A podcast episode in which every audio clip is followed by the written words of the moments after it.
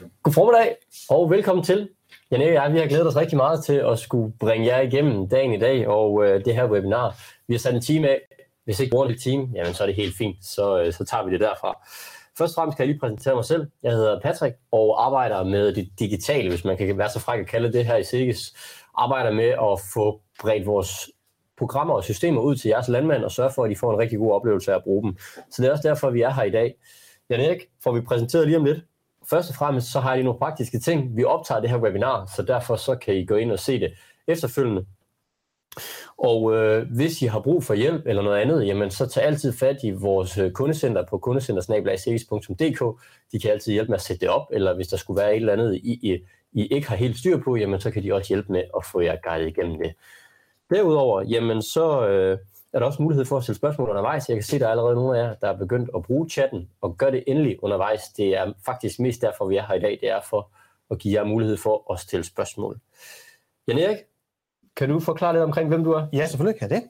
Jamen, øh, som sagt, så hedder jeg Jan Erik, og øh, jeg arbejder øh, ligesom Patrick her i vores digitale afdeling på SIGES, Øh, jeg arbejder mest øh, med omkring økonomistyring, og det, at vi øh, får nogle tal ind, som vi bruger, bruger løbende til at, at styre vores bedrift efter. Og derfor er jeg også rigtig glad for, at vi i dag skal snakke om dashboard, fordi det er en af de produkter, vi har til at arbejde med økonomistyring. Vi skal som sagt igennem, øh, hvad er det her dashboard i dag, og vi har egentlig taget vinklen, hvor vi kigger lidt ind i det, som man ikke har brugt det før. Janet, kan du ikke øh, til at starte med prøve at forklare, hvorfor det her dashboard, og hvad er det, der er så skide smart ved det? Jo, man kan sige, først og fremmest så er dashboard et produkt, der er udviklet sammen med jer landmænd. Øh, da vi lavede det i sin tid, for 3-4 år siden, der øh, havde vi 20 landmænd med, ind, som gav input til, hvordan skal det her produkt virke. Hvis vi lige tager skridtet længere tilbage og siger, hvorfor har vi egentlig et dashboard? Jamen, dashboard er øh, et produkt, vi har øh, set, der var et hul i markedet, og hvor vi så tænker, at det her dashboard, det kunne være en rigtig god ting øh, at, at, at udfylde med. Øh, dashboard giver en mulighed for løbende at følge med i sine øh, omkostninger og indtægter på bedriften, og dashboard øh, giver en mulighed for, hvis man har et budget, at følge budgettet, øh, hvad skal man sige, tættere, mere løbende, og hele tiden holde øje med, hvordan ligger man i forhold til sit budget. Øh, det kan også bruges, hvis man ikke har et budget, men det kommer vi tilbage til øh, lidt senere, øh, hvordan øh, vi gør med det. Kan vi prøve sådan lige, inden vi øh, hopper direkte ind i det, jeg kan snakke lidt omkring, jamen, hvad er det, der skal til? Hvad kræver mm. man fra, mm. fra sælges side eller fra DLBR's side i forhold til at skal have et dashboard? Er det et krav, man skal have Sumax? Er det et krav, man skal have 90? Eller hvad er det sådan? Ja, jamen man kan sige, bare det, man har en årsrapport i 90, så har man sådan set mulighed for at få et dashboard. Vi vil rigtig gerne, som du også kommer til at tale om lidt, lægge mere på, fordi så kan vi få et meget bedre dashboard. Men kravet for at få et dashboard, det er, at man øh, har sit regnskab i 90, øh, og det skal være en årsrapport. Det er egentlig eneste krav. Øhm, hvis vi taler om at få noget fornuft ud af dashboard, jamen så vil vi rigtig gerne også have Sumac i spil. Øh, især arkivet, men også gerne nogle af de andre lidt mere moderne øh, værktøjer, som vi har, som du vil gennemgå lige om lidt. Og jeg skal nok også vise senere, når vi kommer i dashboard, hvorfor det er, vi rigtig gerne vil have Sumac på, for at det her det giver rigtig god mening for jer. Hvis vi så lige skal tage vinkelen med øh, rådgivningsvirksomhederne også, ja. hvordan er det så, øh, koblingen er op til dem i forhold til samarbejdet mellem landmanden, når landmanden får et dashboard, og rådgiveren? Hvordan, og assistenten også, hvordan er det, det her forhold, det, det skal fungere? Det vil vi også komme ind på senere igen, men man kan sige helt overordnet set, så er, kræver det et godt samarbejde mellem ens konsulent og specielt ens assistent for at, at få det her til at blive rigtig godt. Øh, dermed ikke sagt, at det ikke kan lade sig gøre. Øh, øh, hvad hedder det, øh, uden øh, at man har, at man har, øh, hvis man har rigtig meget af det hjemme selv, hvis man selv står for konteringen, hvis man selv bruger Sumax aktivt, men, men øh, rigtig mange af bruger jo jeres øh, DBR-virksomhed rigtig meget, og i, i den forbindelse er det rigtig godt lige at have talt med dem om, hvordan vi vil egentlig gerne bruge dashboard, og i hele taget det at nævne, at I er dashboard-brugere, øh, fordi det giver øh, jeres øh, rådgiver og jeres assistent mulighed for at, at levere noget ind til det her, så det her produkt bliver rigtig godt for jer. Og grunden til, at jeg egentlig lige sådan hopper lidt rundt i det her til at starte med, det er sådan set for at give jer et indblik i, at alle kan være med. Der er ikke nogen begrænsninger i forhold til at være med i det her. Man kan gøre det på sin helt egen måde, og man kan modellere det på den måde, man har lyst til. Så det vil sige, at man kan virkelig også kigge ind i og få strikket et produkt sammen her, som virker til det opsæt, man har derhjemme. Og det er også derfor, jeg spørger Jan Erik, fordi at vi har jo muligheder for både at sige, at der er nogle fordele, hvis man begynder at bruge Sumax, eller man allerede bruger Sumax, i dashboardet, og der er også nogle fordele i rådgivningsvirksomheden, fordi at de jo selvfølgelig har nogle kompetencer, som kan bruges og som virkelig kan udnyttes i forhold til dashboardet. Derudover, så kan man jo også gøre det, hvis man bogfører derhjemme selv, så kan man også få en, noget optimalt ud af at bruge et dashboard. Og det er det, vi gerne vil gå i dialog med omkring, og det vil DLBR helt sikkert også gerne, som Jan Erik han nævner. Hvis vi skal prøve at tage springet, så kunne jeg egentlig godt tænke mig at prøve at trække jer med ind i der, hvor det hele det starter. Og det hele starter jo i data. Og, øh, og jeg har prøvet at tage data med til jer. Øh, nu har vi taget en fiktiv øh, landmand med. Det er rigtige tal, men det er øh, anonymiseret herinde. Så derfor så kunne jeg egentlig godt tænke mig at prøve at vise jer, jamen hvordan er det, hvis man har Sumax? Igen sagt, det behøver man ikke, men vores klare anbefaling, det er, at man bruger Sumax, fordi så skaber det en helt anden værdi, og dashboardet kan løbende give en masse information. Men hvis man nu har Sumax, jamen, så kender de fleste af jer garanteret Sumax, og for dem, der ikke gør, jamen, så er det jo vores arkiveringssystem, hvor at vi kan få al vores materiale, og specielt vores fakturer ind.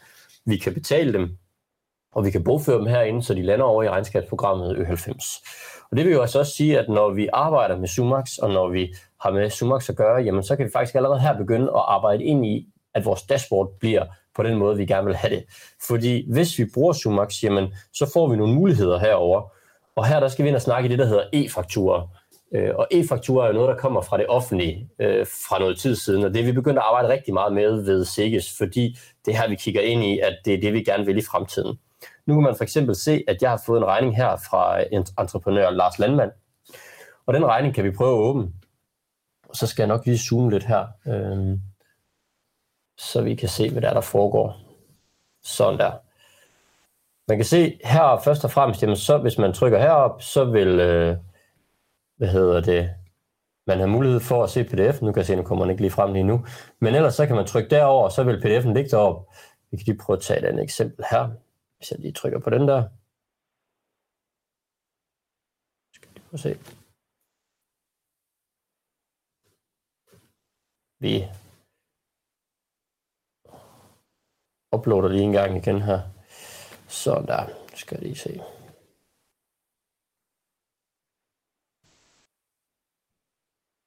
Og med Sebastian lige leder, så skal I jo, som øh, han startede med at sige, I skal endelig bare stille alle de spørgsmål, I, I kommer i tanke om løbende. Uh, vi skal nok sørge for at holde tiden og det hele. Det vigtigste er for os i dag, det er, at jer, der har nogle spørgsmål, I får svar på dem.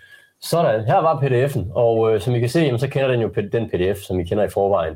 Det, der er rigtig smart i e-fakturen kontra det her, det er måden, hvorpå vi kan betale regningen, og måden, hvorpå vi bogfører regningen. Fordi når vi bogfører den her regning, så bliver det bogført på hvad hedder det, betalingsdato, og det bliver samtidig også bogført på den, det enkelte bilag. Det vi kan gøre, når vi kommer over i e-fakturmodulet, og vi prøver at zoome lidt ind, jamen det er faktisk, at vi lige pludselig får muligheden for at kan kontere det, og I kan hjælpe med at kontere det på hver enkelt varelinje. Så her er et godt eksempel, hvor man kan sige, at der har været noget gyldekørsel, og der har været noget værktøjsarbejde. Nu er jeg ikke landmand selv, det her Jan Erik, så han kan meget bedre lige fortælle, hvor det her det skal placeres hen. Men mit gæt er jo, at man ikke nødvendigvis placerer gyldekørsel og værktøjsarbejde på samme konto. Så derfor så vil man herude i det, der hedder hjælpetekst til kontering, der vil man kunne trykke, og så vil man kunne vælge den hjælpetekst, som I så har oprettet sammen med jeres assistent.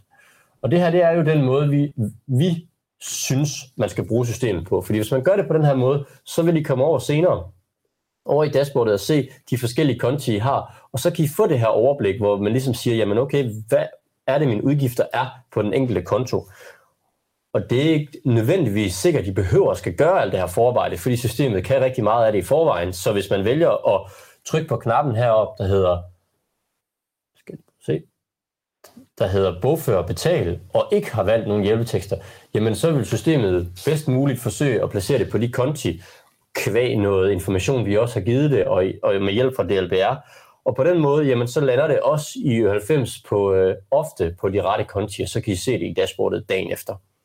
Så det er derfor, vi egentlig gerne vil arbejde med e-faktura. Det er fordi først og fremmest, at vi får det her betalingsmodul herover, og samtidig jamen så får vi også lige pludselig inputtet på varelinjeniveau, så at vi kan spille regningen op, eller I kan spille regningen op allerede, når I sidder i gang med at bogføre den. Og det er det, arbejde, vi får værdi af, når vi kommer over i dashboardet, hvor vi kan begynde at snakke mere ind i, jamen, hvordan er det så, de lander på de forskellige konti, og hvordan er det så, vi kan begynde at kigge ind i, at det faktisk giver en værdi for jer.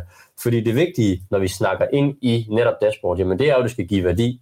Og man kan sige, at det koster 1.500 hver halvår for jer. Og det vi så kigger ind i, det er så at sige, jamen okay, kan vi så få skabt en værdi, der kan gøre det op for de 1.500 per halvår? Det kræver rigtig meget, at man har sat sig ind i, jamen hvordan får vi inputtet ind? Fordi hvis ikke man har det, jamen så vil man måske have misforstået nogle af processerne. Og det er det, jeg jeg prøver at sige i dag, at der vil ligge noget forarbejde i den måde, vi arbejder med data på. Vil vi gerne se det en gang om måneden, jamen så er det jo vigtigt, at den dag, vi gerne vil se det, at dagen før, der ligger data klar, så vi kan se det derinde. Vil vi gerne se det løbende, og måske bruge det her e-fakturmodul, jamen så skal vi have sat det op, og så skal vi i gang med at bruge det, fordi så vil data komme over hver evig eneste gang, vi har bogført noget, og det lander på en konto i 90. Og så skal vi også skynde os at sige her, at hvis det her det er helt øh, sort for jer, jamen så er jeg stillet hver virksomhed, der er også til at hjælpe jer med det her. Så, så øh, øh, fat mod, hvis I synes, at det her det virker allerede langhåret nu. Så, øh, jeg stillet hver øh, virksomhed kan helt sikkert hjælpe jer med at komme i gang med det her. Jeg kan se, Allan Bosen han spørger her, opdaterer den løbende fra Sumax automatisk, eller hvor ofte? Lige så snart den har fanget en postering over i 90, så bliver det opdateret. Det vil sige, hvis I bruger e-fakturmodulet, så er det, når I har trykket på knappen bogfør og betal.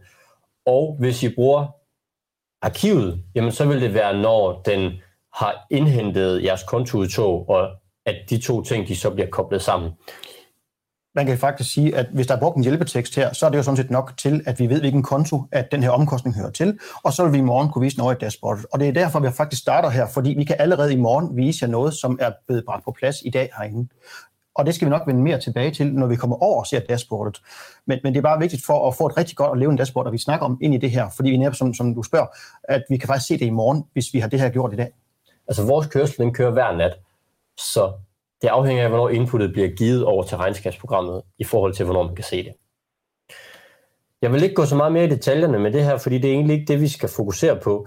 Øhm, jeg vil blot lige vise den sidste funktion herude, som jo er mm, det smarte i de her e-fakturer. Det er jo netop, at hvis man har koblet det til sin bank, så har man faktisk muligheden for at kunne trykke på regningerne herude, og trykke, man har selvfølgelig tjekket regningerne inden, så man er sikker på, at de er rigtige, men så kan man faktisk trykke på knappen heroppe, der hedder bogfør og betal, og så kan man betale alle regningerne af en omgang. Og det er helt sikkert også noget, det de kan hjælpe jer med. Vi hører bare rigtig mange landmænd, som måske ikke lige kender til den her funktion, eller ved, hvordan man gør, og den kan bare skabe rigtig meget værdi i form af at nedsætte den tid, I bruger på at betale regninger, fordi I lige pludselig ikke skal teste koder mere i øh, banken, men I, nu kun skal teste jeres NemID en gang, når I har behov for at betale de regninger her. Vi øh, prøver at hoppe over i dashboardet, og så kigger vi lidt ind i, hvad det er, dashboardet kan, og øh, hvordan det er, det hænger sammen. Ja, fordi nu skal vi rigtig til at ind og kigge på de data, som vi så får over, og jeg skal nok også prøve at binde en tråd til det, du har sagt, Patrick, omkring, øh, hvad hedder det, de data input, vi taler om for lidt siden. Men lad os lige starte med, hvor er dashboard henne? Men dashboard er en mulighed, når man har købt adgang, man får ind i landmand.dk. Normalt vil vi lige starte på den, der hedder forsiden, øh, på vores demobror her er ikke ret meget. Her vil I jo have rigtig mange kort. De vil have noget med noget tørrejord og alt muligt andet. Gyldebeholder hos naboen og sådan noget. Men herop øh, under i menuen, der er et punkt, der hedder dashboard, når man har købt adgang. Når vi går herind, jamen, så ser vi ind i tre forskellige datakilder. Øh, for jer, der har kvæg, der henter vi fem udvalgte nøgletal fra, øh, fra DMS hver nat. Så den er vi egentlig ret godt kørende på i forhold til, til DMS. Øh, jeg har valgt at tage et kort frem her, så I kan se, vi henter noget fra DMS, som I også kan se herinde. For jer, der har øh, grise, der henter vi øh, hvad hedder det, også data fra e-kontrollen. Så det, det egentlig kræver, det er, at man har lavet en e-kontrol, og at den er uploadet til landsgennemsnit. Har man det, så, og man har et dashboard, jamen, så vil vi kunne vise de udvalgte nøgletal, øh, der har med, hvad hedder det, øh, grise at gøre. Så vores sidste datakilde, og som den vi vil tale mest om i dag, det er vores øh, 90-data. Det er jo alle vores bogførings, øh, bogførte data, indtægter og omkostninger, som vi har øh, masser af kort på herinde. Øhm, og hvis vi dykker lidt mere ned i dem, fordi det er nok dem, der er mest interessant, også i forhold til, at der er mere, rigtig mange muligheder i forhold til dem, så har vi på, øh, på kortet her, som I kan se, vi har et stort rødt tal her. Det er vores aktuelle status i forhold til vores budget. Og som I kan se lidt længere nede på kortet, jamen, så øh, har vi en realiseret omkostning og en budgetomkostning. Som jeg sagde før, så øh, budget, det kan være enten man har et budget, men det kan også være, at man øh, er en landmand, der ikke arbejder med budget. Men det er ikke noget problem. Så bruger vi bare sidste års øh, data som et budget. Så bare det, man har en årsrapport, er i princippet nok. Har man et budget, så giver det selvfølgelig rigtig god mening at have det vist herinde, og det er det, man følger op på. Som I kan se her, så er tallet rødt. Havde vi nu ligget positivt i forhold til vores, øh, hvad hedder det, øh, vores budget, jamen så havde tallet været grønt. Så helt visuelt, lynhurtigt, når man kigger ned over dashboard, jamen så kan man se, er der noget her, som er positivt eller negativt i forhold til det budget, jeg har lagt. Det, der er meget vigtigt at lægge mærke til også, det er, at lige nede i bunden af kortet, det tror jeg, vi kan se her, der er der en dato, og den dato, den viser, hvornår de seneste data er hentet ind. Det er især vigtigt, når vi kigger på den, der hedder måned. Den, der hedder månen, den viser fra første øh, i tredje, som der står nu her, og til og med i forgårs. Vi har lige et problem med at få data ind fra i går. Men vi har data til og med i forgårs herinde. Når vi øh, måske øh, tænker, at vi vil vide noget om øh, en anden måned øh, end, end den indeværende, fordi den indeværende måned er ikke afsluttet, og fordi vi måske ikke ved, hvor mange omkostninger der kommer mere, jamen så har vi mulighed for at trykke på fanen heroppe, der hedder forrige måned. Når vi trykker på den, så ser vi, hvordan det så ud for, øh, hvad hedder det nu, februar måned. Og som I kan se her, jamen, øh, så har vi data til med hele måneden, og vi har en afvielse på 47.000. Så når måneden skifter, den indeværende måned her, når vi når til den første, jamen så vil der sådan set være tomt her, fordi vi starter på en ny måned. Så der, hvor man så finder ud af, hvordan var det egentlig, det gik i forrige måned, det kan man godt blive i tvivl om, her til og med måske den 8., 9., 10. stykker, man kan godt lige vide, hvordan det gik, jamen så er det hen og skift her på forrige måned. Den sidste fane, vi har, det er år. Og den viser fra regnskabsårets start, altså den første i første, og til og med øh, øh, den seneste hele måned. Det vil sige, her har vi januar og februar. Og når vi kigger på vores demobruger her, øh, og det er det, vi også kan høre, at mange af jeres øh, kolleger, der er aktive bruger det her, det er, jamen de bruger den jo sådan set til at se en udvikling. Hvordan er det egentlig gået år til og med seneste måned, har jeg vi kan se her, at landmanden har brugt lidt mere penge på vedligehold, end han har regnet med. Vi kan se, at forrige måned har han også brugt for mange penge, og allerede nu her i indeværende måned er vi faktisk en, en pæn overskridelse. Så øh, for den her landmand, der har et dashboard, vil det her jo allerede være en indikation på, at vi skal prøve at forholde os til det her vedligehold. Hvad kan vi gøre? Eller har vi øh, simpelthen øh, behov for at, at tage en mere struktureret beslutning? Er der en maskine, der hele tiden bryder sammen, vi skal have skiftet ud? Vi får i hvert fald et opmærksomhedspunkt her, hvor vi bare bruger forsiden af kortet. Man kan sige, for mange af jer, så kan det sagtens være, at de her øh, ambasselskaber, der først kommer data ind den 8. 9. i måneden. Og derfor så betyder det jo også, at det er vigtigt, at I har taget de snakke med DLBR omkring, hvornår er det, man gerne vil se data. Fordi at vi kan jo kun give det data, vise det data, der er, så man kan sige, jamen har man for eksempel kvæg, og man først får data fra Arla den 8. eller den 9. i måneden, jamen så kan vi jo ikke vise forrige måneds data, før det data er kommet fra Arla. Så derfor er det jo vigtigt, at de i hvert fald er opmærksom på de ting, og så siger, jamen så kan man jo først se, hvordan forrige måned så ud, når vi er nået hen til, hvor vi er nu, den, den 9. eller 10. i måneden Og alle de der tanker der, alle det, det er vigtigt at sætte jer ind i det, inden I, I begynder med dashboardet, og der kan I få en masse hjælp ud i DLBR til at, at få viden omkring, hvad er det, det kræver, og hvad er det, der passer lige nøjagtigt i forhold til min virksomhed, og hvad har jeg behov for. Og det vil vi også komme lidt mere tilbage til senere, for der er nogle kort, som er meget, meget vigtige. I tager en god snak med, med jeres øh, rådgiver omkring, inden I bruger dem aktivt. Øh, det er jo fuldstændig rigtigt, Patrick. Det kan man sige, dashboardet det er jo et produkt, der kan vise data løbende, men vi kan jo kun vise det, vi modtager. Så derfor kan man sige, at 9 ud af 10 gange, når der er noget galt herinde, jamen så er det fordi, vi simpelthen ikke har modtaget data ind i 90, eller vi ikke har placeret det på en konto. Så selvom vi så måske har modtaget dataene, men vi har ikke kunnet få et kontonummer på, jamen så kan vi simpelthen ikke vise dem. Øh, så det er meget, meget vigtigt at sige, at oftest 9 ud af 10 gange, og det er også det, vi oplever, når vi er ude og hjælpe i gang, jamen så er det data-inputen, det er galt med. Det er ikke som sådan dashboardet, der fejler. Øhm, det, der er vigtigt at sige omkring de her tre faner, det er, at der er der en, hvis I nu har arbejdet med et tid, finder ud af, at jeg vil helst stå på forrige måned, fordi det er den, der giver mest mening for mig. Det er den hele afsluttede måned, og når jeg kommer hen omkring den 8. Jamen, så er data med fra fodstoffen, data med fra, fra, fra Arla, eller hvem det nu er, øh, måske skal vi hen til den 12. nogle steder, jamen så er det forrige måned, der giver mening for mig. Jamen, hvis I forlader dashboardet på en, en fane, som der er gjort her, jamen så vil I næste gang komme ind, så vil den stå på den fane. Det vil sige, I kan selv bestemme, hvilken en, øh, hvad skal man sige, fane, I vil blive mødt af, når I kommer ind. I skal bare forlade dashboardet på den fane. Og det gælder per kort, det vil sige, hvis der er en, hvor I vedligeholder for eksempel måned, den giver rigtig god mening, men på, på mælk eller på, på, på foder, jamen der er det forrige måned, fordi vi lige skal have nogle data med øh, fra foderstoffen, jamen så vil vi kunne bestemme det per kort. Jeg er ja. faktisk lidt i tvivl om, du kom ind på det, Jan Erik, men hvis nu man ikke har et budget, ja. Jo, det kommer jeg lidt ind på, men jeg vil gerne nævne det igen for din skyld, Patrick. Øhm, det er sådan, at hvis man ikke har et budget, så kan vi bruge øh, sidste års data. Det vil sige, at det tal, der står som budget, I vil ikke kunne se det ind i dashboardet, men det tal, som står som budget hernede, det vil være sidste års realiseret. Så det vil sige, det er data, der er på måneden øh, marts 2021, vi kigger ind i her. Og det kan systemet selv finde ud af, hvis bare det er sat rigtigt op. Så skal I øh, bare have en aftale med jeres konsulent om, at øh, der skal ikke være et, et eller andet dommebudget herinde eller noget. Der skal simpelthen bare være nogle realiserede tal. Og det er nok til, at I kan få en mulighed for at følge op på nogle tal. Og det kan jo være meget præcise, og de kan jo selvfølgelig være fuldstændig forkerte, fordi verden ser helt anderledes ud end, end, end sidste år, men det giver jo en mulighed for at arbejde aktivt med jeres tal. Skal vi prøve at kigge lidt ind i det, der er rigtig sjovt? Ja. Hvordan tallene faktisk ser ud, og hvordan det er, det så ser ud, når vi lige har arbejdet med det over i Sumax, eller vores øh, DLBR-medarbejdere har været i gang med at lave noget regnskab? Lige nok det. øh, hvis vi nu kigger på noget som vedligehold i alt, altså som vi allerede kunne afsløre nu, jamen både år, måned og forrige måned er, er røde tal, og det kan godt være, at jeg som landmand præcis ved, hvad det her det drejer sig om, men det kan også godt være, at jeg er en lille smule i tvivl om, hvad susen er det, der sker her, og hvorfor er det, min omkostning her allerede øh, den 10. marts øh, er så overskrevet, som de er. Jamen, så har vi mulighed for at gå ned og trykke på den, der hedder udforsk. Når vi trykker på udforsk, så dykker vi ned i de bagvedliggende data, som, øh, og det var dem, som Patrick også øh, var inde på lidt før. Nu vil jeg så prøve at binde en, en sløjfe til det, fordi øh, hvis vi lige prøver at køre lidt længere ned, her, hvor vores demobruger, har vi kun øh, nævnt nogle kontonumre, men øh, hvis vi nu snakker vedligehold, jamen så vil det ude hos jer være jeres kontoplan. Det vil sige, har I en vedligeholdskonto til øh, til stald, har en vedligeholdskonto måske til et bestemt staldanlæg, har en vedligeholdskonto til en bestemt traktor, til en, til en minilæser, eller hvad I nu har derude, jamen så vil det sådan set stå nævnt her. Det er navn på den konto. Og det vil også sige, at det her herhenad, man kan sige, det er faktisk en ønskeseddel. Hvad er det, I gerne vil holde øje med? Øh, så er der noget, der er meget vigtigt for jer, jamen så få lavet en separat konto til det, så I kan få den vist her i jeres dashboard. Det kan også være, at I faktisk har så udspillet en kontoplan, så øh, I har alt for mange.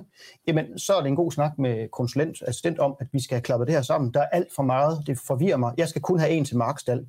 Men det er jo et valg, I kan tage, når I kan dykke ned i data løbende og se med. Det, der er rigtig vigtigt, hvis vi skal vinde en sløjfe til det med Sumax, det er jo, at har I en hjælpetekst, der svarer til en konto her, og I har lavet noget Sumax i går, så vil I i dag kunne få vist herinde på jeres dashboard, den omkostning. Så den omkostning, som, som Patrick var kigget på før med noget øh, vedligehold og noget gylde, jamen, og det han havde kun set færdigt i går, jamen, det vil han kunne se herinde i dag og se, hvordan, hvordan påvirker det så min, min, min omkostning for forhold til mit budget. Har jeg allerede brugt månedens budget, eller øh, hvordan ser det ud? Det med at få en hjælpetekst, som vi så ind i før, det kan jeres DLR-assistent også hjælpe jer med. Derfor er det også, at den her snak med assistenten omkring, hvad vil I gerne se herinde, den er rigtig vigtig. Godt. Når vi har sagt det, så skal vi til at finde ud af, hvad filen der er galt med vores omkostninger. Fordi det er jo løb løbsk for os, og det kan vi også se heroppe, hvor vi ser måned øh, realiseret i forhold til budget. Og især når vi kigger på marts, hvor vi kun har den 10. og vi allerede har overskrevet vores budget, så er den rigtig interessant. Det jeg gør for at undersøge det nærmere, det er, at jeg trykker på den måned, det kan jeg undersøge. Nu får jeg sorteret kun på marts måned. Og så kan jeg se herhen af, hvad er der konteret på marts på de enkelte øh, øh, konti. Det kan jo være, at det her det er en minilæser, det kan vi ikke vide, men det kunne det jo for eksempel være. Jamen så kan jeg trykke på den og få sorteret på, hvad er det egentlig, der ligger under det her. Jeg kan trykke på, på bilaget her. Jeg kan gøre noget andet, fordi jeg har jo alle mine bilag hernede af. Det er, jeg kan sige, jeg vil gerne vide, hvad den største omkostning i Mars 1 har været. Jeg skal lige trykke to gange. Så får jeg at vide, at den største omkostning, jeg har bilag på, den hedder 18.700 kroner. Og så er det her, at vores, øh, hvad hedder det nu, Sumox giver rigtig, rigtig god mening som arkiv. Fordi det bilag vil jeg egentlig gerne vide, hvad det er. Så trykker jeg her, nu er det en demobruger, så vi åbner bare en tom side. Hos jer vil vi åbne pdf'en. Det vil sige, har vi et arkiv i Sumax, så kan I dykke helt ned på øh, bilaget se, okay, er det fordi, at øh, der er kommet investering ind? Er det fordi, at vores øh, smed har hævet prisen? Eller er det øh, fordi, at den her vedligehold den er ved at løbe løbsk på et eller andet bestemt maskine? Så I har muligheden for at dykke helt ned i data. Både at finde noget, der er fejlplaceret, men også finde noget, der kræver, at vi tager aktiv stilling til, hvordan er det, vi styrer vores bedrift og får mere styr på vores omkostninger. Øhm, og det kan vi kun, hvis vi har et Sumax-arkiv. Jeg har mange gange sagt, når jeg er ude og præsentere det her, at det her, det tror jeg, det bliver måden, vi kommer til at arbejde med vores revisionsliste fremadrettet. Og det vi også hører med landmænd, der kører det her, det er, at de bruger ikke en revisionsliste, øh, når de skal lave årsrapport mere. De har taget det hele løbende, fordi det er så tydeligt for dem, og fordi det er så nemt at gå til. Man interesserer sig kun for de områder, der afviger, øh, og man får hurtigt fanget, hvis noget lander øh, forkert. Så det her det er en moderne form for revisionsliste, synes jeg, og det giver et meget bedre overblik. Også, også kan jeg også sige i forhold til mit eget landbrug, jamen, øh, jeg arbejder ikke med revisionslisten på, på, på samme måde mere, fordi jeg har om informationer hurtigere og, og, og mere tilgængelig, end jeg har gjort før. Det er også vigtigt at sige omkring vores dashboard, det er, at der er nogle små fif. For eksempel vil jeg gerne se både januar, altså februar og marts. Så trykker jeg lige på control, og så får jeg sorteret på to måneder. Det vil sige, at jeg kan selv vælge, hvor mange, skråstrej, hvor få data jeg egentlig vil se på. Det er fuldstændig op til mig, hvad det er, jeg har behov for at fremsøge. Og så kan I være fuldstændig tryg ved at, at trykke herinde. I kan ikke påvirke bagud i 90. Øh, det er så det gode, for I kan ikke komme til at ødelægge noget. I kan ikke komme til at gøre sådan et assistent øh, problem med at lave regnskab. Det er fuldstændig øh, envejskommunikation. Udfordringen med det er jo selvfølgelig også, har I ikke en adgang til 90, og et bilag er landet forkert, jamen så skal I lige ind og finde det bilag, og så skrive til assistenten, det her vil jeg gerne have flyttet. Øh, det er så jeres eneste mulighed for at få flyttet noget. Men gør hun så det, jamen så næste dag, så vil tingene være på, øh, på plads, så I kan se ind i et mere reelt billede. Jeg ved ikke, er der kommet nogle spørgsmål til lige når den funktion her? For det er jo noget af det, der er det mest dybe, vi kommer i, i det her. Nej, men spørg endelig løs, hvis der skulle Gør være endelig. nogle spørgsmål. Ja. Men det, vi kan kigge på, det er jo spørgsmålet om, jamen, hvad så hvis vi gerne vil se, nu har vi i marts måned, hvad så hvis vi gerne vil se sidste år? Ja, sidste år er jo en funktion, som vi fik på for øh, et par, øh, hvad hedder det, øh, et par måneder siden, her før årsskiftet. Og det er jo rigtig dejligt, at vi har den mulighed, fordi er jeg nu i tvivl om, hvad var det egentlig, jeg havde omkostninger sidste år? Jamen så heroppe under, hvad hedder det, demo og så cvr der trykker vi på sidste regnskabsår. Øhm, vores demobrug er lidt tom. Øh, det vil I ikke opleve det her. I vil opleve, at der er masser af data herinde, fordi øh, det eneste krav det er, at I har brugt 90 sidste år også, og det har de allerfleste af jer selvfølgelig. Så øh, herinde vil I kunne se jamen, de enkelte måneder og, og alle de poseringer, der gør sig gældende her. Så har vi nu for eksempel i september her, vi vil jo godt vide, hvad var det, der skete der. Hvor, øh, det kan jo være, at I har en regning her i marts øh, på den samme maskine, som I mener var dyr sidste år i september. Så markerer I i september, og så kan I finde det bilag igen let og hurtigt og se, okay, nu har vi faktisk et bilag fra september sidste år og et fra marts i år, der gør, at den her maskine den er vanvittigt dyr at holde kørende. Øh, så det er vi nødt til at gøre noget ved. Så på den måde kan I arbejde både med sidste år og, og dette år, og give jer nogle informationer til jeres øh, økonomistyring og jeres ledelse af jeres virksomhed, for hvordan er det egentlig, I skal håndtere de her omkostninger, øh, som måske stikker af. Man kan sige, det der er rigtig smart i det, det er jo, at alle data kan trækkes ud. Så i stedet for, at I skal sidde og beregne i Excel selv, jamen så kan I faktisk, hvis I bruger de her e-fakturer og har lige nøjagtigt brugt de her hjælpetekster, jamen så kan I faktisk ud fra det trække data ud, så I kan, som jeg ikke siger, gå ind og finde ud af, hvad koster medicin, den enkelte medicin til, til grisene, eller traktoren øh, i vedligeholdelse, eller altså både på års niveau, men også på månedsniveau, og, øh, og finde ud af, jamen er det en ny investering, der skal til, eller kan vi klare os med reparationer, eller hvordan er det lige, det hænger sammen? Lige nøjagtigt.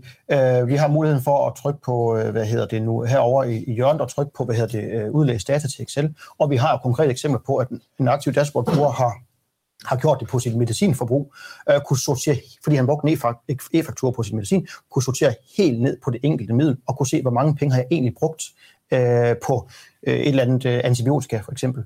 Øh, og så kunne han se, at det var egentlig et bestemt middel, der havde kostet ham mere, og havde gjort, at hans medicinforbrug var, var blevet dyrere. Så kunne han tage en god snak med sin dyrlæge omkring det her øh, produkt, var der et erstatning, der var bedre, han kunne bruge, og, og, og så øh, fik han faktisk styr på sin omkostning til medicin. Et helt konkret eksempel, og det tog ham fem minutter, eller sådan noget, og udlæste sin pivot-tabel, og så fik han sorteret. Så han slap for at skulle sidde og taste en masse biler i fys for at regne det her ud. Han kunne bare udlæse det og sortere på middels navn. Men det kræver jo en e-faktur, og det kræver et dashboard. Man kan sige, hvis vi... Det, der er formålet med hele det her dashboard, det er at gøre det nemt og overskueligt for jer. Så det er ikke sikkert, at man har interesse i, at jeg skal se alle kortene. Og derfor så vil jeg ikke også lige vise, øh, hvordan man kan fjerne nogle kort. Fordi det kan sagtens være i jeres bedrift, at man ligesom siger, her er der ikke behov for at se på den og den og den konto, men der er måske mere behov for, at vi kun vælger nogle enkelte kort. Det er nemlig lige præcis det, ja. Man kan sige, at et dashboard vil som udgangspunkt altid være, øh, hvad hedder det, være alt kort tilvalgt, når man kommer ind første gang. Og har man både, øh, nogen har både grise og køer, øh, det kan man jo sagtens have, det er ikke ret mange, men der er nogen. Og ellers så har man jo en masse kort på, på omkostninger. Nogle af dem kan være rigtig interessante, og andre kan måske i hvert fald i perioder være uinteressante så man kan selv bestemme, hvor meget vil jeg have i mit dashboard. Det kan også være, at jeg ønsker at rette mit dashboard til, at jeg har nogle konkrete handlingsplaner, jeg gerne vil lykkes med. For eksempel kunne det være vedligehold, som altid år efter år stikker af for mig. Jamen, så er det måske kun det kort, der er vigtigt for mig, og det andet, det øh, styrer jeg øh, via min nervefornemmelse, hvad ved jeg. I bestemmer faktisk fuldstændig selv, hvordan I gør. Hvis I trykker på plusset her, så kommer vi ind i en øh, visning, hvor vi kan til- og fravælge. Vi skal lige lidt længere ned, for vi starter først med kort på forsiden. Men der, hvor der er en overskrift og så dashboard, der går I bare ind, trykker på tilføj eller fravælg, og som I kan se, dækningsbidragskortet har ikke givet mening for vores demobruger, så det har han fjernet. Jeg går herind, hvis jeg vil have set det igen. Men det kunne godt være, at jeg vil af med nogle andre. Det kunne være, at markedskaberne, det har ikke stort set ikke noget mark. Måske hvis det var det, der var øh, udfordringen, jamen, øh, eller øh, casen, så trykker jeg på fravalg, og så har jeg, lige når jeg går ind på forsiden igen, fået tilføjet og fravalgt de kort, øh, hvad hedder det, jeg vil have. En anden mulighed, det er jo, at der er måske nogle kort, I gerne vil se oftere end andre, men I ønsker ikke at få den fjernet. Nu, Patrick, du er logget ind med en, øh, en, en bruger, som en DLBR-rådgiver vil have, så du har plus og minus. Ude hos jer vil der være et hjerte. Og det hjerte, det bestemmer I sådan set, hvis I giver et kort et hjerte, så kommer det op øverst. Og så vil I sådan set kunne øh, bestemme, øh, hvad for en 3-4 kort, I vil se hver gang først. Man kan sige, at dashboardet er jo indrettet sådan, at det kan man se på sin telefon. Så sidder man øh, hos, hos lægen og venter på at komme ind, jamen så kan man jo øh, via sin telefon gå ind og se øh, et enkelt kort ad gangen. Øh, og så kan det godt være, at de tre, øh, du har tre, der, der er vigtige for dig, jamen så er det dem, der kommer først. Øh, det bestemmer selv.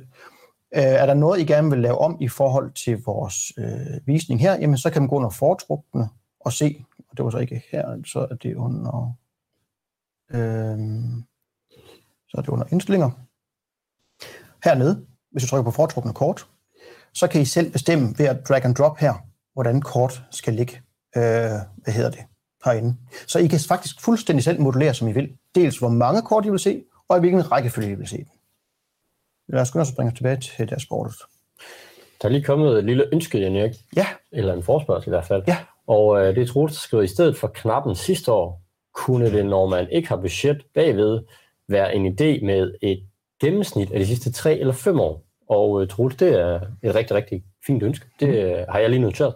Så øh, det skal vi nok lige tage med, og så kan vi kigge lidt mere ind i det. Øh, det er rigtig dejligt, at I byder ind med de ja, her ting, der også kan det. forbedre produkterne for jer derude. Øh, fordi så kigger vi jo på, jamen, hvor er det, der er flest ønsker, og hvad er det, der giver mest mening i forhold til økonomi at få lavet, og så kigger vi jo på, hvad er der de bedste løsninger, vi kan lave. Så, så byd endelig ind, hvis I har andre ting også, der er spændende. Og der er ikke nogen tvivl om, vi kigger selvfølgelig også på værdien af et ønske, og det her det er jo faktisk et rigtig godt ønske, kan man sige, for det er jo rigtig noget, der godt kunne give noget. Øh, vi kommer, når, vi, når vi tager et gennemsnit, jamen, så kommer vi ud over de enkelte års svingninger, og vi kan mere se en langsigtet øh, hvad skal man sige, udvikling, og hvordan ligger jeg i forhold til den udvikling, jeg i gennemsnit plejer at ligge på. Rigtig godt ønske. Ja, så byd endelig ind. Det, der er at sige ud over det her, det er jo, at vi har to muligheder for visning. Vi har en visning til jer, som er fuld, men vi har også en mulighed for at lave det, der hedder en begrænset adgang. Og den vil være især være relevant for jer, der har nogle medarbejdere, I gerne vil dele øh, udvalgte kort med. Som løsningen er nu, kan vi desværre kun øh, lave enten en fuld visning eller en begrænset visning. Men den begrænsede visning, der fjerner vi alle sumkortene. Altså det er sådan noget som dækkensbidrag, som vi så også har fjernet her. Men det er også kaskritkortet, som vi kigger på lidt senere. Og så er det, hvad hedder det, lønkortet, som vi jo måske, når det er den medarbejder, vi gerne vil vise til, ikke synes, at de skal kunne se hinandens løn øh, hvis det ikke er noget, man snakker øh, åbent om på, på, på, på landbruget. Men I har muligheden for at tilvælge per øh, agro-ID, at de får en begrænset adgang til, til et dashboard, så jeres driftsledere kan også få, øh, hvad hedder det nu, øh, et dashboard, og kan holde øje med vedligeholdstal, dyrlæge omkostning. Øh, øh, af andre muligheder kunne jo for eksempel være celletal og så videre, som vi har lidt længere nede på, på, hvad hedder det, på mælken. Så I kan, I kan absolut dele med dem, I vil. Det bestemmer I. Øh, og I kan også dele, om I, skal have en fuld, I kan også bestemme, om I skal have en, en delvis eller en fuld adgang. Og det gælder selvfølgelig også både jeres assistent og jeres øh, DLBR-rådgiver. Og princippet også, hvis I har et gårdråd og så videre, så videre. Mange muligheder øh, for det her. Det er egentlig op til jer, hvordan I gerne vil arbejde med det her. Om det er selv, eller I gerne vil dele det. Allan, han stiller lige spørgsmål. Ja. Kan der laves udskrifter eller pdf fra dashboard, så man eventuelt kan lave kvartalsopfølgning og spare konsulenten der. Vi vil helst ikke udtale os, om man kan spare konsulenten eller ej. Det er ikke vores bord, men vi kan udtale os omkring, om man kan trække noget ud af dashboardet. Den, den løsning, vi har for at trække ud, det var den, vi talte om før. Vi kan trække noget ud til Excel, øh, som, som hvad hedder det nu, øh, man kan bruge på den måde. Men, men det, jeg hørte også spørge, for det er måske noget, du kan aflevere til banken, der ved vi jo, at nogen må jeg hellere sige supplere, for det var det, de gjorde. De havde en budgetopfølgning, øh, som måske havde nogle afvielser, som de var ved at håndtere, men det kunne man ikke se i budgetopfølgningen. Men det kan man jo i dashboardet, hvis det er noget, der kommer løbende data ind på. Så det, de havde gjort, det var, at de tog bare et screen dump øh, via måske et klippeværktøj, ligesom jeg har hernede, øh, tager et billede af det kort, eller de kort, de synes er interessante, og medsender. Og så en kommentar om, vi kan godt se, at vores, vores at vores vedligehold er, er stukken af, som vi ser her men som I kan se allerede nu på indeværende måned, som jo ikke er i, i budgetopfølgingen, vi er ved at håndtere det. Øh, vi har styr på tingene, så vi skal nok nå vores øh, årsbudget alligevel, selvom det ser ud som om øh, i opfølgingen, at det går skidt. Det er en konkret case. Jeg ved, at nogle landmænd har benyttet sig af det her. Øh, så det er ikke en udskrift af en pdf, men det er et udklip øh, af skærmen, som man jo altid kan gøre. Jeg håber, det var svar nok. Øh, vi kan ikke lave en, øh, en udskrift, som det er i dag, og vi kan ikke, vil jeg ikke sige, endnu erstatte vores budgetopfølgning. Vi har ikke noget gæld til godhavne, vi har ikke noget cashflow, vi, vi viser herinde, øh, når vi taler øh, investeringer og afdrag og sådan noget. Så det her er helt klart et supplement til, til, til budgetopfølgningen, som det er i dag. For lige at vise jer, hvorfor det er, at de her e-fakturer også kan give noget værdi ind i dashboardet, så har Jan Erik øh, forberedt det, der hedder kassekreditkortet. Og øh, der vil han gerne gå ind og vise, hvordan det er, man kan holde en lille smule øje på, hvad omkostningerne er øh, løbende, mm. og måske også forudsige, hvad det er, der kommer. Så lad os prøve at kigge lidt på det. Ja, vi har vores kassekredit-kort her, Øh, og jeg synes ikke, det er så interessant at kigge på, på forsiden. Den kender I. Øh, den, den er for det første er, er vores, øh, hvad skal man sige, saldo øh, et par dage bagefter den der er i banken, fordi vi jo skal have to dage øh, for at få data ind. Det er sådan afhængig af den måde, som Ø90 er sat op. Men det, jeg synes er rigtig interessant, det er, når vi går ind og trykker på den knap, der hedder udforsk. Når jeg trykker på udforsk på kassekreditkortet, så får jeg herover i, skal vi lige vente på teknikken, her får jeg en liste over fremtidige betalinger. Og øh, nu skal jeg ikke lige tage jer af, at vores demobruger han har nogle specielle datoer. Øh, hos jer vil der selvfølgelig kun være fremtidige øh, fakturer herinde. Det, der er vigtigt at sige, det er, at det er e-fakturen, vi kan vise her. For det er jo den, der bliver konteret, øh, når I har modtaget den ind i Sumax, og jeg har sat en hjælpetekst på, og så trykker I bogfør betal. Men den kommer jo på en fremtidig betalingsdato. Så alt det, der kommer som e-faktur, det har vi en mulighed for at vise jer herinde. Og det er endnu et godt argument for at øh, gå videre med e-fakturvejen. Fordi nu får I lige pludselig et billede af, hvad er det, øh, vi har er sum til betaling. Og hvis jeg så ved, øh, det vi ikke kan endnu, vi kan jo ikke vise afregninger, men hvis jeg ved, at der plejer at komme mælkepenge, som svarer til så og så meget her, jamen så kan jeg jo hurtigt vurdere, jamen min likviditet den er okay, fordi der kommer øh, 300.000 fra mejeriet, eller hvad ved jeg. Så det går super fint her i, i, i februar-marts måned med, med, med min likviditet. Så igen et argument for at bruge e-fakturen og få noget mere værdi ud af den ved at gå herind og bruge dashboardet kvæg de ønsker, I også melder ind i dag, og øh, alt det input, vi får, når Jan ikke er på landevejene, jamen så sker der hele tiden noget udvikling, og der er selvfølgelig stor forskel på, hvor stort og småt det kan gøres, afhængig af pris, og også afhængig af ønskerne, der kommer. Men øh, der er sket nogle ting, siden der, Jan ikke i hvert fald sidst har været på her, mm. og det kunne vi egentlig godt lige tænke os at kigge, fordi der er blandt andet blevet noget mulighed for noget mark, som ikke har været der tidligere, og øh, det med sidste regnskabsår er også noget nyt, som Jan Erik allerede har vist. Så øh, vi prøver lige at tage sådan en tur rundt omkring og kigger på, jamen hvad er det så for nogle muligheder, der findes derinde, som ikke øh, har været der tidligere. Det er nemlig rigtigt. Vi har jo nogle brugere, som har valgt at hoppe af igen, fordi de ikke fik det fulde overblik. Især hvis man har haft et stort markbrug og ikke haft nogle dyr, jamen så har der måske været for lidt herinde, til man synes, det gav værdi. Øh, her i efteråret, der, øh, eller før jul, der kom vi med en masse kort til, hvad hedder det nu, øh, til markbrug. Øh, vores demobruger, han har så kun lige salg af korn og, og salg af grovfoder, men ellers er det jo, øh, det er raps, det er roer, det er, det er kartofler, øh, det, er, øh, det er frø, så, så vi har alle omsætningskorten til marken også nu. Så, så jeg, der har det, vil også kunne følge op på det nu. Og sidder der en enkelt derude, der hoppede af i sin tid, fordi at de ikke synes, der var nok værdi for dem, jamen så har vi noget til jer nu.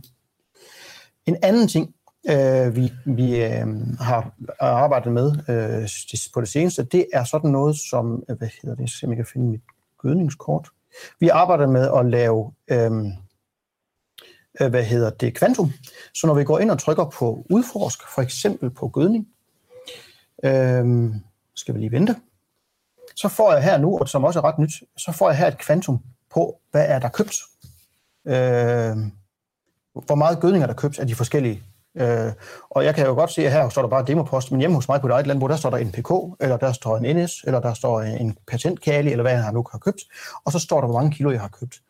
Øh, og det har jeg faktisk brugt så sent som i går, hvor jeg lige skulle finde ud af, hvor meget jeg egentlig havde tilbage på mit lager. Jamen, så gik jeg ind til, hvor meget var det, jeg havde købt sidste år, og hvor meget var det lige, jeg har brugt. Jamen, så brugte jeg det her tal til at se, for jeg kunne ikke huske, hvad der stod på lageret. Så helt konkret eksempel øh, har jeg selv brugt det her, og er glad for det. Der, hvor det giver rigtig meget mening for mange af jer, det er, når vi går over og kigger, hvis du lige gør det igen, Patrick. Vi vil øh, kigge på vores foder, fordi det ved jeg, det er noget, som interesserer rigtig mange lige i tiden. Øhm, lad os lige prøve at gå ned og tage et øh, indkøbt foderkort, for eksempel. Øh, foder kommer vi også tilbage til lidt senere, for det er også her, hvor I skal have en rigtig god snak med jeres øh, assistent og, og, og, og hvad hedder det, konsulent om, hvordan I gør. Her på foder øh, har I også muligheden for at se nogle kilo og nogle foderenheder, alt efter hvad det er, øh, ting bliver afleveret i. og nu står der nok kun konsummer her, men her kunne jo stå A-blanding eller C-blanding, eller en, øh, en, en so-blanding eller en smågriseblanding. Det markerer I, og så får I sorteret på det kvantum, øh, der er hernede. Så også muligheden for at følge med i, om det er kvantum, eller det er, det er prisen, det er galt med øh, i forhold til, til fodret. Øh, typisk er det nok prisen desværre lige i øjeblikket, vi døjer med, men det kunne jo være, at der både var pris og kvantum, øh, så det er jo rart at kunne følge med i, i det. Ja. Man kan sige specielt lige med det her kvantum, og specielt også med de priser, der har svinget lidt, så øh, har vi faktisk haft nogle landmænd inde, som har siddet der været lidt i tvivl om, hvordan det egentlig lige gik, og specielt med grisene. Øhm, og lige pludselig fik noget overblik og fik en ro i maven, fordi at så kunne man faktisk finde ud af, jamen okay, jeg er faktisk med i forhold til det budget, der er lagt, selvom jeg måske faktisk troede, at på grund af priserne, at, at jeg var noget efter. Så det kan også for dem, der i hvert fald ikke lige har haft muligheden for at få noget data eller noget konkret svar, jamen så kan det her være et helt andet pejlemærke til ligesom at finde ud af, jamen okay, er vi på rette vej, eller er vi ved at være bagefter nu, og hvordan er det så, vi skal håndtere i vores virksomhed i forhold til det? Lige præcis. Øh, vi har sat flere kunder i gang med grise i efteråret, og det var en dejlig øh, oplevelse at sætte dem i gang, fordi mange af dem var jo rigtig utrygge ved de her priser. De har jo faldet øh, løbende hele året, og mange sad, mange sad jo med en fornemmelse af, at det her det går af pommeren til, rent udsagt. Der var rigtig mange af de her kunder, vi kunne fornemme, hvor meget ro de fik i maven ved at få et dashboard, fordi så gik de ind, kiggede på deres øh, hvad hedder det, øh, grise, hvis det for eksempel var smågrise, eller det var, det var øh, især det var slagtesvin, gik ind, kiggede på det kort, øh, kunne se, jamen øh, det kan godt være, at de har fået en lavere pris nu, og der var helt entydige kurver, der gik, øh, de var negative. Til gengæld så havde ingen, rigtig mange af dem masser af positive øh, resultater med fra det første halve år. Og når vi så så en sumtal for, hvordan det egentlig var gået, jamen så endte de faktisk mange af dem lige tæt på deres budget, fordi deres forår havde været så meget bedre, end, end, øh, end efteråret blev. Så det gav rigtig mange ro i maven at sige, at vi når faktisk vores årsbudget, i og med, at vi har, øh, at vi har haft så god et forår, og nu kan vi jo så håbe, at det kommer til at vende modsat nu, at nu kommer vi under fra et rigtig dårligt niveau lige nu, men der er jo trods alt tegn på, at det kommer til at gå bedre med grisen, nu tyder det på, håber vi. Så lad os håbe, vi kan kopiere den, og så vi får en rigtig godt øh, sommer og efterår for kriseproducenterne. Det var i hvert fald et konkret eksempel på en, der var rigtig glad for at få et dashboard, for det gav en rigtig god ro i maven. Og så hopper vi tilbage, så I øh, kan få lov til at se lidt mere øh, inde i dashboardet. Ja, jeg tænker, at øh, vores demobruger her, der er et, mit yndlingseksempel, øh, kan vi lige gå ind og se her, fordi det er noget, som jeg synes rigtig godt forklarer, hvad er det egentlig for en værdi, et dashboard øh, giver, både for dem, der har et budget, men så sandelig også for dem, der ikke har et budget. Og hvis vi tager vores demobruger, fordi det er jo en, en, en, en kørende bruger, vi kopierer ind, øh, så synes jeg, vi skal prøve at gå ind og kigge på hans sidste års tal, fordi her klokkeklart eksempel på, hvor dashboard kan give mening. Øh, vores dyrlæge medicin, det ser jo fint ud her i år, men lad os prøve at se, hvordan det egentlig gik sidste år. Hvis vi nu lige skærer de her måneder op i nogle søjler, så vil jeg, der laver et budget om budgetopfølging, jamen I vil få en der på første kvartal her, øh, der har til og med marts. Det ser jo meget fint ud, følger fint sit budget.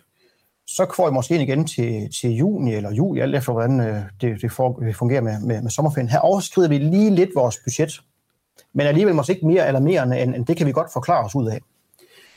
Så får vi en tredje kvartalsopfølgning. Den går til og med september. Og eftersom at september, øh, som I kan se her, øh, trækker i den rigtige retning, jamen så får vi måske mere eller mindre udlignet nogle af de øh, omkostninger, vi har. Rigtig mange har fået lavet til og med en tredje kvartalsopfølgning, og så er der nogle af jer, I får altså ikke lavet flere opfølgninger, før I får en årsrapport. Det vil sige, fra september til der ligger en årsport i februar og marts måned, jamen, øh, hvis man ikke holder godt øje med det her øh, omkostninger til her, jamen, så vil øh, man ikke opdage mere og, og tro, at det går nogenlunde okay. Vores dashboardbruger her er jo klokkeklart eksempel på, hvor galt det kan gå. Nu kan der selvfølgelig være, at han har købt til noget lager, det ved vi ikke. Men det kan også være, at der er sket et eller andet her i oktober, som øh, stikker fuldstændig af, og som man ikke er klar over. Øh, for eksempel en, en, en forkert regning, eller det er et, et, et, et middel, der er blevet alt, alt for dyr at bruge. Og hvis han kun får en tre kvartals opfølgninger, jamen så vil han aldrig opdage det her, eller måske først opdage det øh, hen i februar og marts måned, hvis han ikke lige er ops på den her konto. Men i dashboardet, prøv at se, hvor visuelt det simpelthen er for ham at se, at der er noget galt her. Øh, det kan jo selvfølgelig være, lidt lager, at den er god, nemt at forklare, og det betyder, at vi sparer penge til næste år. Men det kan jo også være noget, som er fuldstændig skjult for ham, og som nu bliver, bare bliver meget, meget tydeligt for ham, så han har en chance for at gribe ind og gøre noget, øh, for at gøre noget ved det. Jeg synes i hvert fald, det er et meget klart eksempel på, øh, hvordan et dashboard kan give værdi, selvom man både har budgetopfølgninger, og også hvis man slet ikke har, jamen, så giver det jo rigtig fin mulighed for at følge med, hvad er det egentlig på de enkelte øh, konti, der, der stikker af for mig. Der er blevet spurgt fra Mads, om man kan lave en opsætning af kortene, så den med den største afvielse popper op først, så man retter fokus ind der. Øh, det kan vi desværre øh, ikke. Øh, det, det vi kan øh, i dag er jo, øh, og hvis man siger, du, du selv kan bestemme rækkefølgen, så er der et, der typisk trailer dig, jamen så vil det det, der komme først. Øh, det er et godt ønske faktisk, øh, og at man kan sige, at den, der popper op, og det er den, vi skal have opmærksom på, det er den, der stikker mest af. Men ellers så synes jeg jo faktisk, at kortene sådan set er så hurtige at løbe igennem. Øh, så de aktive brugere hører jeg ikke spørge om det her, fordi det er så hurtigt for dem. De skimmer den øh, på to-tre minutter, og de fanger lynhurtigt. Øh, den der, det er jo den største øh, i hvert fald dem lige har kigget på nu, og så er det den, de går ind og borer i, hvad i alverden, der sker på diverse omkostninger. Og et andet input, vi har fået, Mads, er øh, en notifikation, hvor man kan sige, jamen er, så sætter man måske selv en limit og siger, jamen jeg vil gerne notificeres, hvis det er over 50.000, over 100.000, afhængig af hvad størrelse af virksomhed man har. Og jeg kunne forestille mig, at det er måske mere den, vi arbejder lidt ind i, at sige, jamen vil man gerne notificeres, i stedet for at man egentlig, at de skal komme op. Og det kan også være, at det bliver en kombination af, at de kommer op forrest, og, og det på den måde bliver, at man, øh, man får begge dele. Men vi har i hvert fald snakket rigtig meget ind i arbejdet ind i den der med, kan man notificeres på en eller anden måde. Det kan være via en e-mail, det kan også være ude på Landman.dk, når man kommer ind der, at man så ligesom får sådan en notificering om, at øh, hov, der er noget i dit dashboard, du skal gå ind og være opmærksom på, fordi der er noget, der afviger. Og det er jo, det er jo den måde, vi gerne vil arbejde videre med det her på, så det er rigtig, rigtig fedt, at I kommer med nogle gode input, som I kan se, der kunne give værdi ude ved jer, hvis I skulle i gang med at bruge det. Og, og det er også klart for os at i talesæt, at det her produkt er jo ikke et færdigt produkt, som vi siger, nu gør vi aldrig mere noget ved det. Vi modtager jo netop løbende ønsker fra jer, øh, så, så I kan jo faktisk påvirke præcis på den måde. Øh, hvis der er nok af jer, der ønsker noget, jamen så laver vi det selvfølgelig. Så, så det, det er super fedt, at I kommer med ønsker og bliver endelig ved med det, og så vil vi løbende udvikle det, som giver en værdi for jer. Så det er vi rigtig glade for. Ja. Godt. Jamen, måske skulle vi snakke lidt omkring det med øh, den gode øh, samarbejde med, med sin øh, delværkvirksomhed, fordi de er jer, der ikke selv sidder og konterer, øh, eller ikke selv laver omsøgopfølging, eller måske heller ikke selv har en 90-adgang, jamen I er, har behov for at have en god dialog med jeres, øh, med jeres øh, konsulent og jeres assistent, og det har vi jo tit, Peter, når vi har været ude, og også taget ja. en god snak omkring. Øhm. Og vi kan bare se de steder, hvor vi er, vi er rundt omkring i alle virksomhederne, at der hvor dialogen mellem assistent og konsulent, øh, eller undskyld, mellem landmand og assistent og konsulent er, er bedst, jamen det er faktisk også der, hvor de virkelig får det her til at fungere. Og så hører vi altså, at der er rigtig, rigtig mange landmænd, der bliver rigtig glade for det, fordi at så får de den der information, de har manglet. Og det var også det, Jan Erik han var inde på lidt tidligere, at, at i det her, jamen så kan man sige, så får man lige pludselig den der mulighed for at kan få noget input løbende, så man kan reagere i stedet for at skal agere på noget fordi man hele tiden bliver opdateret, i hvert fald hvis man, men, hvis man har lyst, hvis man har behov for hele tiden at blive opdateret. Og det er jo det fede i det her i forhold til de andre alternativer, det er jo, at i det her kan man jo faktisk selv være med til at bestemme, hvornår vil man have den viden, man har brug for, hvor ofte vil man have den, og hvad viden er det, man gerne vil have. Vil man gerne have penslet det helt ud til den enkelte skrue, hvad den koster, eller vil man gerne have det på lidt mere overordnet niveau, jamen så kan man selv være med til at beslutte, hvordan er det, det her de skal deles ud, og hvad er det for en viden, jeg gerne vil have. Det er nemlig fuldstændig rigtigt, og man kan sige, øh, som vi også snakkede om før, da vi startede med e-fakturen, vi er jo ikke længere væk end et døgn fra at kunne vise en omkostning, hvis bare systemet er sat rigtigt op. Så det er op til jer, og, og, og hvor meget I selv vil gøre, øh, om I overhovedet vil røre ved e-fakturen, eller, I, øh, eller øh, I, vil, I vil lave så meget som muligt selv, jamen så bestemmer I rigtig meget omkring, hvor, hvor hurtigt skal det her virke, hvor opdateret skal det være. Øh, men der vil jo også være nogle ganske få omkostninger, som en eller anden grund lander forkert, og som vi skal have nogen til at tage os af, selvom I arbejder rigtig meget med det selv. Så det er altid en god idé at snakke med jeres assistent, Fortæl dem, I har altså et dashboard, det er vi oplevet flere gange, at de ikke engang ved, og at de egentlig gerne vil bruge det måske en, to gange om måneden, jamen så lav en aftale med dem om, de er inde og kigge, og får lige placeret de sidste ting, som ikke selv har kunne lande, øh, sådan at I får et opdateret billede. Og så lave en god aftale med dem, at de giver lige en mail om, at nu har de været derinde, og i morgen vil I have opdateret data det der er den største risiko, det er jo, at vi kommer til at kigge på noget, som er fejlplaceret, eller at vi kommer til at kigge på noget, for eksempel på dyrlægemedicin. Øh, vi ved jo godt med alt, hvad det er kaldt her. Dyrlægen er jo langsomt til at sende fakturen. Øh, men det kunne jo også være, at den faktura, som var kommet ind, men som ikke er blevet placeret rigtigt, jamen så tror vi, det går bedre, end det gør. Derfor er aftalen med assistenten virkelig, virkelig vigtig, for at I får det reelle billede af jeres omkostninger, og kan reagere agere ud fra det. Og så kan man jo sige, at når vi ligesom kigger ind i det her, så er det altid svært for os at stå og pege på, det er her, at I kommer til at spare penge ud i det alvær, eller det er her, I kommer til at spare penge. Jeg tror ikke, det skal handle så meget om at spare penge. Jeg, for os går det mere op i, at I skal få en viden, som I ikke har i dag. I skal få et produkt, der kan give jer en værdi, hvor I kan få løbende opfølgning, og samtidig, jamen, så vil jeg egentlig også sige, at det der, der er nok flere af jer, der oplever det der med, at i årsopgørelsen, der vil være nogle ting, som er, og det kan jeg Erik jo genkende til, er måske er landet forkert, lad os kalde det det, eller måske ikke lige er på den konto, det hører til, og hvis I har et dashboard og følger med i det, jamen så vil I jo fange det løbende, så man kan sige, at i årsopgørelsen vil der måske ligge lidt mindre arbejde for jer, i skal sidde og rette de her ting, hvis vi kan tillade os at kalde det det, fordi at I netop har fulgt med løbende i, jamen hvor er det de forskellige ting, de er landet henne. Og der sker jo ikke noget ved, at det lander på en forkert konto, så kan vi tage fat i assistenten, så kan vi få flyttet det, og så dagen efter, jamen så kan vi se, at det ligger rigtigt. Og I ved jo godt, hvis en investering er landet på vedligehold eller omvendt, fordi at I har købt noget, eller I har fået lavet noget, og det så lige er hoppet på i forhold til, hvad systemet har der er ingen tvivl om, øh, som du siger, Patrick, vi sparer tid, når vi skal lave vores årsopgørelse, i og med, at vi har taget rigtig mange ting løbende. Det bliver nemmere og hurtigere at lave en års øh, rapport færdig. Øh, jeg vil give dig ret i, jeg tror ikke, vi kommer til at spare penge i forhold til DLBR, men at et dashboard, et dashboard ikke kan spare penge, er jeg nu ikke enig i, fordi jeg tænker, det er måske nogle andre steder end lige præcis på jeres konsulent assistent, I sparer penge. Jeg tænker jo, der ligger rigtig meget i at blive opmærksom på en vedligeholdskonto allerede den, den 10. marts, i stedet for, at I får en, øh, en budgetopfølging den 15. april, for det er der, I opdager, at det går galt. Så jeg tror faktisk, der er nogle, rigtig mange penge at spare ved at have dashboard, og jeg tror ikke, der skal ret meget til for at tjene de der 1.500 kroner hver halve år ved at have det. Men jeg tror ikke, vi skal øh, sige, at det er på DLBR, på jeres konsulent i Sparte, for I har rigtig meget behov for at få rigtige data, øh, for at få det rigtige billede af jeres omkostninger ind. Og, og det, det kan vi altså ikke spare os ud af. Øh, så tager vi bare nogle forkerte beslutninger. Men at vi ikke kan spare penge med et dashboard, det øh, tror jeg, vi kan. Det er bare på, en, øh, hvad skal man sige, det er på smeden. Det er på de rigtige beslutninger, vi tager løbende øh, på, at vi skifter en traktor, når den er så slidt, at den, at den koster for mange penge. Det er den slags ting, vi sparer penge på. Og så er det jo rigtig vigtigt, at vi også her har med for øje, at man ligesom kan sige, jamen, det kræver noget af jer til at starte med. Øh, det vil kræve en forandring i jeres hverdag. Det vil kræve, at I også aktivt går ind og begynder at bruge det. Så det er i hvert fald vigtigt, at I er indstillet på, at der skal ske noget anderledes end det, I gør i dag. Fordi det er ikke det samme som at få en kvartalsopfølgning øh, fra budgettet, eller hvad det nu er, I får i dag. Det er en anden måde at arbejde på, og det er også en anden måde at måske arbejde med data på. Vi hører rigtig, rigtig mange, der bliver rigtig glade for det, fordi at de netop kan få det input, de har brug for. Men det er også bare vigtigt at vide, at til at starte med vil der nok ligge en lille smule arbejde, og så vil det jo glide lige så stille ud, så det bliver en løbende proces for jer.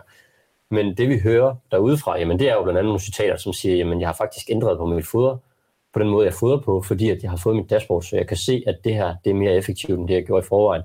Der er nogen, der sågar siger, at jeg tjekker det lige så tit, som jeg tjekker vejrudsigten. Og det for os er jo et, øh, et, klap på skulderen, fordi vi ved godt, at de skal nok holde øje med, hvordan vejret det er i morgen og i overmorgen. Øhm, så der er, der er altså øh, flere forskellige jeres kollegaer rundt omkring, og hvis I kender nogen, jamen, så håber jeg, at I vil tage fat i dem og høre, jamen, hvad får de af værdi ud af det.